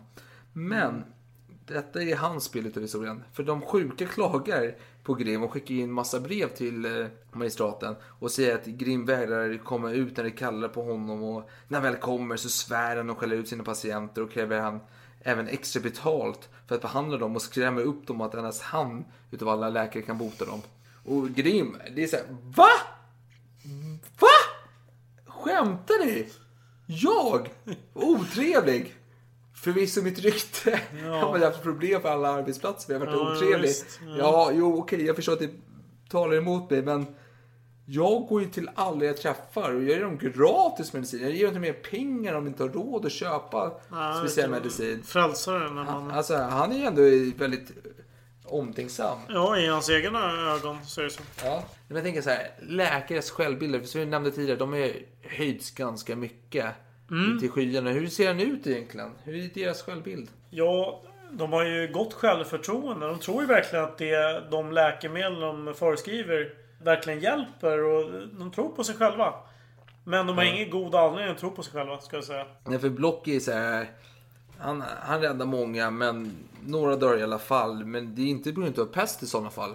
Om han Nej. har varit där. Nej, visst. Nej, för fan, inte pest. Jag, jag botar pesten. Men om de dör, då är det på grund av fattigdom och elände. Men, Mm. Men det han, känns som att de här läkarna har en hypotes. Och när den väl... När någonting händer som stärker deras hypotes, då är de helt självsäkra. När någonting går emot, då bara ah, men det är någonting annat. Ja, men det, det, det, det, är liksom, det är ingen ansvar. vetenskaplig metod. Nej, nej, Det är nej. så och han berättade även om en annan flicka som blev sjuk i pesten och som han, bo, han botar. Ehm, och mamman eh, blir jättebesviken med detta. För hon har inte råd att ta hand om det här barnet. Hon hade hoppats att hon skulle dö. Alltså hon var ju Åh, herre, jättebesviken. hjärtlöst. Ja. Ja. Men trots detta, det är själva bilden. Och tiden går och tiden går. Men klagomålen fortsätter även ösa in över Grim. Och nu ska han eh, sparkas i minsann. En av borgmästarna säger till Kungliga rådet att Grim utpressat sjuka och nu blivit avsatt och man ska ersätta honom med en doktor Lars Brown. Händer det? Nej. Nej. Man kompletterar honom. Ja, precis. Ja. Men vem då? Ja, någon Johan Buchart. Ja. Och eh, den Buchert, han är, han, han är kanske lite spänd på början när han kommer in i arbetslaget. Bara, Fan vad kul att det ska bli Botapesten. Men sen är det, det är oktober, det är dödens månad. Nu, som du nämnde tidigare, alltså, klockan har ju ringt för varje död person. Men nu, nu blir det för ska mycket. ringa för deras själar. Det är det som Ja, är nu, syftet. nu blir det för mycket. Nu ringer klockan dygnet runt här. Ja, det är lite obehagligt. Det, det ställer till Det är lite problem. problematiskt nu när det är Ja. Mm. så många som dör. Så man måste ju anpassa detta. Så mellan 9 och 10 så ringer man för de i Det här ändrar man nu då. Tidigare ringde man ju hela tiden. Ja, men nu bestämmer man mellan 9 och 10. Vi ringer en timme för alla vanliga människor. Ja, Och mellan, ja, och mellan, det är olika källor då. 11 och 12 eller, eller 12 och 1 då, för de Mm. adliga. Och eh, nu För det är skillnad mellan folk och folk. Ja. Och nu, alltså, nu är det så här att nu är det så illa så att folk ligger och skräpar på gatan och är döda. Aj. Så nu får likbärarna riktigt fullt upp här och Mm. bära upp eh, folket och springa runt. Men nu gäller det att eh, effektivisera lite grann. Man kan inte ha enskilda gravar utan det är, det är, fan, det är, det är vagnar. Man ska trycka in alla liken i samma eh, ja. grav. Det är Fort ska det gå. massgrav. Det är, är fort som fan. Inget dröjsmål. Bort med skiten här. Mm. Och eh, prästerna får nu order om att fan ni sjunger för länge på eh, kyrkomässorna här. Ni måste Mm. korta ner. Ta bara korta salmer. Säg Mm. det som behövs säga. Det viktigaste. Ingen predikan. Bara kort ska det gå. Sjung en psalm, dra därifrån. Mm. Nu dras det till sin spets. Tidigare men- så var det helt okej att det kunde dra ut på tiden. Men nu, nu står ju religion mellan liksom, eh, vad ska man säga, pragmatism på något Ja, sätt. jo. Och, nu så här, och, och de fattigaste, de är alltid de som är sårbara i dessa tillfällen. För deras kropp är inte värt någonting. Nej. Så man samlar dem i några riksäckar som är kortat huvudet sitter och dinglar utanför den här säcken Ja. och går runt. Och, de är, och det är de fattiga som dör i störst utsträckning. Fast det är ändå är inte så att det är mest män som får den här behandlingen. Jo, det, jo, men det är så. Ja. Kvinnor vill man inte visa några kroppsdelar som kan Nej. anses stötande eller sexuellt upphetsande. Beror på hur du är lagd Ja, i den tiden. nej, men eh, ja. Mm. Nej, men det är så här att man längtar ju trots allt efter att vintern ska komma in. För detta, vi är i oktober, november kommer. I dagens samhälle vet vi kanske att vintern kommer lite senare. Det är inte alltid november det kommer den här kylan. Utan, men på den här tiden hoppades man, snälla kom vinter. För vinter, en frisk vind kunde svepa bort pesten. För man tänkte ju att det var ju luften som var Ja, problemet. Så precis. att en, vintern var perfekt. Så den årstiden var ju bara dimma. Och tänk dig dimmigt, det är lite blött och jävligt. Och plus att du sitter och bränner envis och kära Ja. tre gånger per dag i hela Ja. staden. Det du har ju bara en stor jäkla rökdimma som du går runt i. Sen vet vi ju idag att eh, just den här pestbakterien den eh, klarar sig inte så bra när det är väldigt kyligt. Nej precis. Den Så det vet vi idag att det ja. är så. så det, det, Det hade de de hade rätt ju på. rätt. Jo. Ja. Men det var ju av fel anledning. Men, Ja, jo, jo. Men visst. de, de hade rätt Mm. i saken. Men hur många dog det i oktober? Kanske du undrar. Eh, oktober, men det är ju den värsta månaden. Ja, I september dog var det, första veckan i september Ja. var det 188 som dog. Okej, men då ska jag säga typ ja, över tusen. Nej, första veckan dog 794 Jo, veckan, personer. ja, men månaden. Ja, månaden, ja, det tar vi sen. Jaha. Andra veckan dog det 1013 personer. Oj, tusen på en vecka. Ja, Oj. Mm. och då kommer vi upp i vecka tre här då. 1079 personer som dör. Ja. Och fjärde veckan, det är 945. Så det är över 3000 personer. Ja, och sen den veckan därpå. För nu är det så här, fjärde veckan 945. Man har gått ner från Mm. 1079 till 945. Det är en nedgång. Det är bra. Det är Ja, positivt. ja. Över 100, över 100 personer färre. Jo, men sen är det färre att... Jo, Det, jo. det dör ju mer och mer. Det finns det färre att välja på. Men ja, jo och visst. sen veckan därpå så är det 1727 personer som dör. Och det, så nu inser man att man hade lite förhoppning. Nu går det bättre. Mm. Men sen gör det inte det. För det, det ska man säga att i efterdyningarna av att folk dog. Det var att det blev ju tomma hem. Som folk kunde plundra. Mhm. Och folk var ju fattiga. Folk var ju hungersnöd. Så man, man plockade ju liksom kläder från eh, de här döda människorna. Ja. Försökte sälja dem vidare och sådär. Och det skapade problem. För de, hade, de här kläderna kanske hade loppor och liknande. De spred ju pesten också. Så.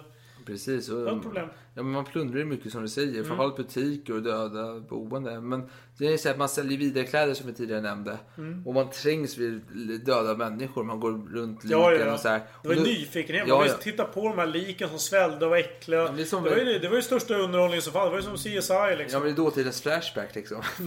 Herregud. Ja, skitsamma. Eh, Men då, då har man ju straffmått och bötesstraff för detta. Men sen inser man att, vänta nu. Bötesstraff funkar inte så bra för det är bara fattiga som gör detta. Så vi tar piskstraff Jaha. istället. Men statsvakten, de är så jävla underbemannade för folk dör ju hela tiden även i statsvakten. Ja. Så jag kan ju inte följa upp detta. Nej. Nej, så går det till vet du. Så, så hela rättssamhället havererar ju lite grann. Ja. Det finns ju inte tillräckligt människor för att besätta alla de här rollerna som behövs. Nej. Och folk dör ju stup i- Nu är ju även dödens månad. Folk dör ju stup i kvarten. Och det är, vissa dör ju fridfullt, andra blir helt gudomliga i religiös extas. Och Det är åttaåriga barn ska ha sjungit psalmer till som dog. Och det finns en speciell, en liten pojke då, som börjar sjunga Gloria Domino Dio Nostro. Och börjar namngiva tre personer som bodde i kvarteret. Och dessa tre personer dog i den följd där pojken sa deras namn. Det låter som en präst som kanske har druckit lite för mycket och vill eh, glorifiera sin egen Glorifierade, ja. story. Nej, jag vet inte. Ja, Ja, men låter det- lite ja, det är väl bra. spännande här, liksom. säga. Och nu ska ju även eh, soldaten som ska upprätthålla ordning i staden. De får ju inte betalt. Och det finns inga pengar i statskassan kvar. Så Burenskiöld då, vår lilla överståthållare. Mm. Han får ju betala ur egen ficka. Ja, men han är ju... Ja, han gör ju sin plikt. Han gör än sin plikt. Ja, ja. Han får ju ändå dubbla löner får man ju minnas. Ja, ja. Eh, vilket är positivt. Eh, men han börjar skicka bud till eh, Kungliga rådet om att statskassan, eller Stockholms kassa är väldigt tom nu. Liksom. Mm. Vi har inte råd med någonting. Så, så han ber dem hjälpa till då. Sen så är det så här att maten börjar bli ett problem nu då. Lyckligtvis så har det varit ett bra år just Mm. detta år. Att det växer ganska bra. Det finns mycket spannmål och kött i området. Och man eh, kontaktar lokala eh, uppfödare och bönder i Roslagenområdet. Och sen har man ju turen, folk dör ju. Så det finns ju mindre, mindre folk att föda. Ja, och det är mindre ju, mager och mätta. ja, precis. Så det är ju jättebra, tänker man. Så man har ju ändå mat så det räcker nu. Och nu kommer man på att det är ändå ett eh, ganska problem detta. För man har ju sagt att isolerade hus ska få mat till sig. Och Just det. statsvakten ska lämna ut detta. Precis, för man ville inte att de här pestsmittade skulle röra sig ut i staden. Utan det var ju statsvakten som skulle leverera Ja. mat. Men detta funkar ju inte för statsvakterna Det fanns inte- Det dör. fanns ju inte tillräckligt många, det gick ju Nej. inte. Och då var man ju, det- det var ett incitament till att eh, försöka begränsa antalet korsmärkta hus. Ja. Det vill säga där man skulle lämna mat. Ja.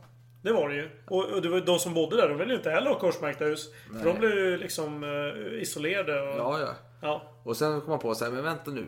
Man kan gå ut och handla mat om det visar att du är pestsmittad. Mhm. Så männen fick gå runt med vita käppar. Det skulle vara ett tecken på att du var...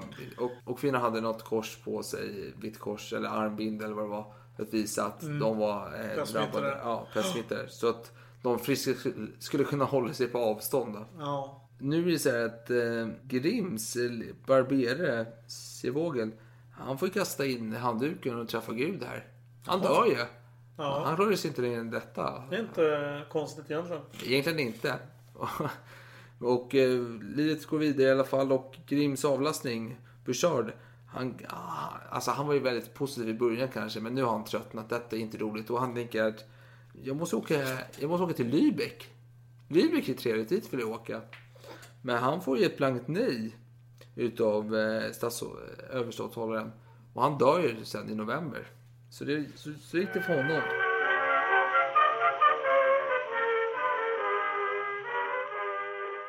Det finns ändå folk som överlever.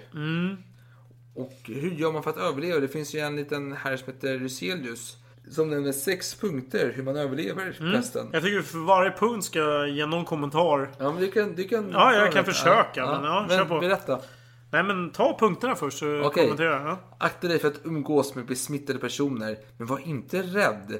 För den som av fruktan gömde sig dog redan i augusti. Ja, nej, men det är väl en bra, ett bra råd att uh, umgås... Att inte umgås... förlåt, att inte umgås med de som är smittade. Ja, ja. Kör på. Ja. Gå aldrig ut på sån utan att ha frukost frukosterat. Nej. Smör, bröd och en god sup vin är optimalt. Ja, men det kan jag hålla med om. Men sen eh, om det skyddar mot, mot pest, det är en annan fråga. Ja, nästa. Drick inte för mycket. Det gör blodet hetsigt och smittan får snabbare fäste. Ja, ja. Jo. Eh, nej, men med smitta det tror jag inte på. Men eh, ja, nej, drick inte för mycket. Det, det är ett gott råd. Mm. Ja. Använd inte för mycket pestpiller. Det försvagar magen och öppnar upp kroppen för sjukdomar. Nej, alltså de här pestpiller, vad fan var det egentligen? Det var ju bara eh, kvacksalveri alltså. Nej, för fan. De, de försvagar säkert magen. Har ju arsenik säkert också. Så nej, det, undvik, Undvik, absolut. undvik, undvik. Drick, ät inte överhuvudtaget ska jag säga. Ja. Mm. Nummer fem. Öppna ådrorna med regelbundna intervaller. Nej, vansinne. Det är bara, riskerar bara massa skit. Ja, jo. Sista. Akta dig för läkare. Eh, ja, fan, jag funderar på om jag ska kommentera det där med ådrorna. För att just att eh, lätta trycket lite. Det kan ju underlätta rent eh, känslomässigt. Om man känner att man har lite mindre tryck. Ja. Ja, om man har mycket smärta så kan eh, en sänkning av blodtrycket vara skönt. Men eh, för att kommentera sista akter för läkare. Ja, utmärkt råd. För de här läkarna, det var ju värre än eh, Hin Håle. Det var ju... De här läkarna, de hade ju bara sina häxmediciner som inte hjälpte överhuvudtaget. Men eh, ja, i och för sig. Psykisk kan hjälpas. Det var ju placebo. Placeboeffekten. Ja, Men- förutom med åderlåtning. Jo då, men om, om, du ger Duselius råd då. Vad får en betyg utav fem? Ja, utifrån den kunskapsnivån som fanns där skulle jag väl ge den en... eh, En 3 av 5 kanske? 3 av 5, ja det är Ja. bra. Och nu kommer vi in i december och i mitten av december har bara 200 personer dött. Och nu är det, Det är en normal nivå. det är ju jättebra nivå. Ja. Trots att kölden inte har kommit in så har det Mm. ändå gått ner. Det är jättetrevligt. Och, men dock, det, den andras eh, död är den andras bröd, eller vad är det man säger? Den enes bröd... Nej, den enes död är den andres bröd. Ja, är det. precis. Ja. För nu börjar pesten sprida sig in i landet. Det går åker genom Enköping, Västerås och uppåt och Mm. Men ner. utanför Stockholm. Ja, ja. Det är skönt.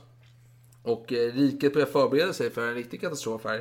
Mm. Och Kungliga rådet, ja vad gör de nu? Det kommer in massa order hur man ska lösa detta. Vi har inte råd med att begrava folk på kyrkogårdar. Så eh, Nej. vi, man får eh, folk som dör ska grävas ner i första bästa backe. Aj, aj, aj, aj, aj, aj, vänta nu, vänta nu. Det där är ju riktigt illa. Och detta tar sig inte emot med öppna armar. Och, eh, men Vänta nu, är det inte så att man nästan slår ihjäl de här då. likbärarna? Och... jo, alltså, folk Man blir helt galna. De är helt vansinniga.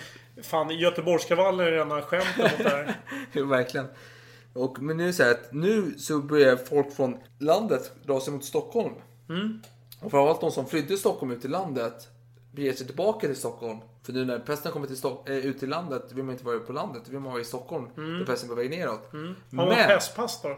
nej fast nu måste man ha ett... Eh, nu måste man ha, jo, du måste ha ett pass som visar att du är frisk. Ja, men och det då får måste, du bara om du är hög adel. Ja, fast du, du kan få det om du har en präst som intygar på att den socken du kommer ifrån Just det, är inte- pestfri. Pestfri. Men annars får du sitta i karantän i 40 dagar utanför muren. Just det, om du inte tillhör den högsta adeln. Ja, adeln får gå in hur som Ja, helst. ja, Det spelar ingen roll. Alltså, det är lite skillnad på folk och folk måste... Har du en böld i ansiktet? Men vänta nu, var du greve? Ja men kom in för fan, det är lugnt. Det där kan inte vara en böld. Det måste Nej, ju vara det är något... tandköttel så du får operera bort. Det är ingen fara alls. Eh, Skönhetsfläck. Det är ingen fara. Bara smörja in med lite djurfett så är det löst sen. Så Liksom. ormgift och så. Ja. Ja, nej, men i alla fall. Och, och, nu helt plötsligt så kommer vi till julen. Julen är alltid trevlig. Och mellan julafton och juldagen så händer det. Vi får oväntat besök i Stockholm. Kölden gör sitt intrång och eh, triumferar mot eh, sjukdomen. Det är väldigt spännande här nu. Folk går ut och glädje. Det är frost ute. Härligt! Fantastiskt! Åh, underbart. Minusgrader. Och det är jättetrevligt. Och eh, detta håller i sig till jämfört med dagens tid. Nu har ju minusgrader igen och sen plusgrader. Alltså Ja, det, är, jo visst. det är lite jobbigt nu men Ja, ena dagen pest, andra dagen eh, ja, kolera. Nej men eh, inte pest men ja, kör. Ja. Ja. Och eh, januari hoppar vi fram till. Nu har alltså pesten hållit på sedan slutet av juni. Juli, augusti, september, oktober, november, december. Ja, vi, är inne, vi är inne i den sjunde månaden nu här i januari. Och eh, kylan är kvar och pesten viker undan. I mitten av januari så är man nere på endast 45 döda. Oj, det var väldigt lågt. Och det är normala antalet döda per månad jämfört, om man jämför med tidigare år. Då. Så det är ju fantastiska nyheter. Nu har man ju gått ändå från i oktober, i slutet, runt november var det över 1000 per vecka. 45 nu på en månad. I, eller i mitten, en Börjar inte människor slappna av lite grann nu? Jo, det gör man. Folk beger sig ut i stan och man kramas och man gör lite Man saker. löskar och man super Ja, och och man, gifter sig framförallt. Gifter sig ja. Ja, Många gifter sig. ja det får ju sägas att det... Man håller igen lite grann. Precis, och det är upp till 30 personer, eller par, Mm. rättare sagt inte personer. Det är 30 par som gifter sig per söndag. Nej. Och det är så här att alla extrainsatta tjänster avslutas. Det är präster, läkare och så vidare. Men Grim, vår hjälte, han trivs på jobbet. Så han tänker så här, jag stannar kvar. Mm. Utan betalning. Det är ju konstigt. Jag tycker det är jättekul. Ja, det är Och- roligt men, men har inte han blivit anklagad för att försöka profitera på pesten Jo, tidigare? detta talar ju till hans fördel. Men Ja. Anklagelserna slutar ju komma i november. Så han har ändå haft två, nu är inne på sin tredje månad utan anklagelser. Det är ändå positivt. Ja, Han ja kanske, han kanske tog till sig kritiken. Folk kanske dog av och tröttnade liksom. De, de hade större problem. De hade klagat på en jävla korrupt läkare. Kanske. Och nu börjar likförarna åka, de åker ju runt i staden och inte för att hämta lik, utan för att hämta eh, massa sängkläder och tyger. För nu ska ju allting brännas. Mm. Ja, det var man, ju order på det. man passar ju på medan kylan är kvar. Men det, det tror jag var en positiv sak för de här lopporna. De levde ju säkert i sängkläderna. Ja, det är jättepositivt att bränna bort skiten. Ja. Alltså det ska det ju väl Och göra. eh, de här största, eller jag ska inte säga största för det, jag vet inte exakt hur fördelningen står mellan loppor och Mm. råttor. Men de här svartråttorna som levde nära människorna. De började ju minska i antal nu. Ja, det var ju så. Och som sagt, kylan är inte någon positiv eh, grej för pesten. Kungliga rådet blir inbjudna igen in till eh, stan. Men Mm. nej, vi avvaktar uppe i Sala.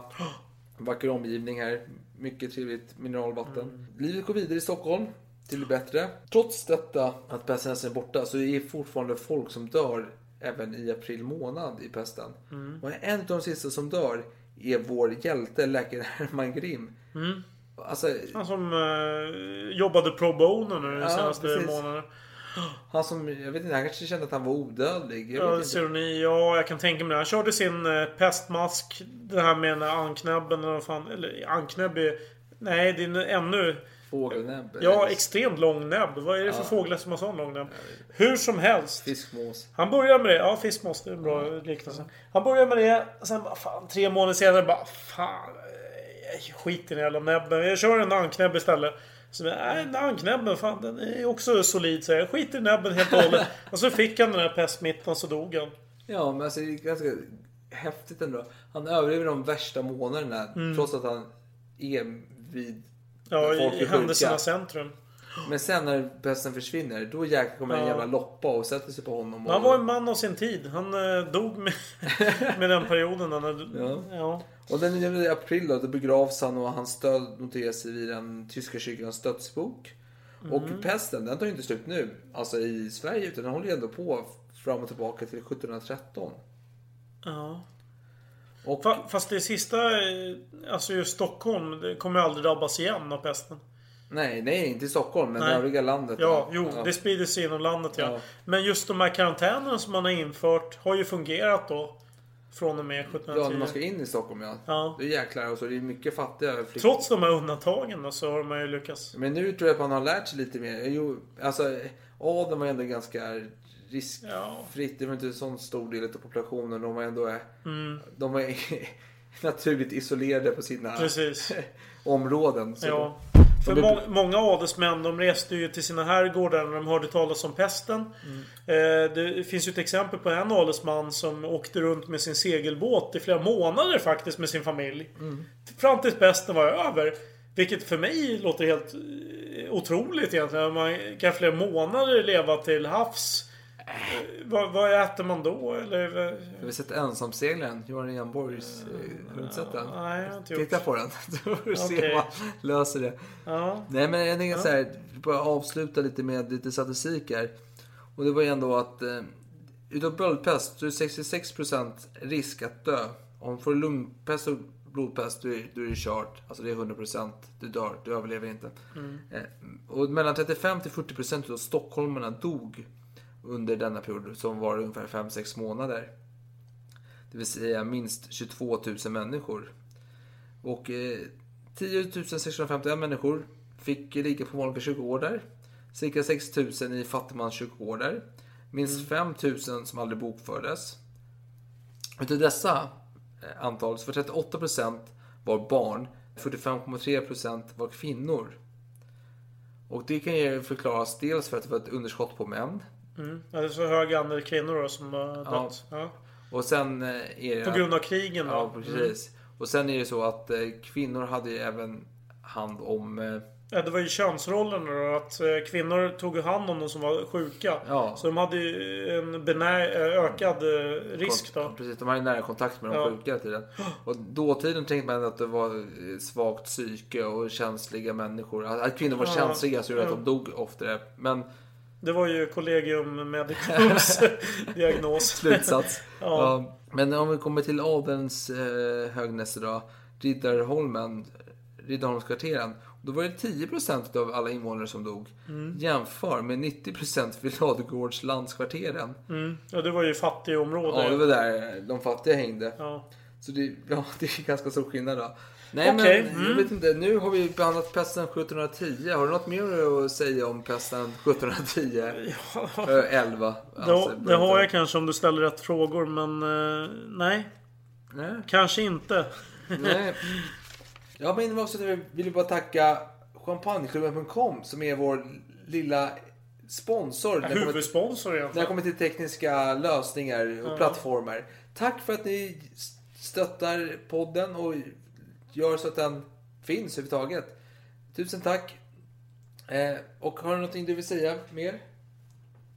Inte så mycket. Nej, men då hörs vi i framtiden. Då är det ett nytt avsnitt och då ska vi behandla någonting galet Galet. och Um, modiskt. Modiskt ja. Ja, det får ni se när vi kommer tillbaka. Fan, jag vet inte ens själv vad vi behandla. Men eh, skål på mig fan. Ta mig fan.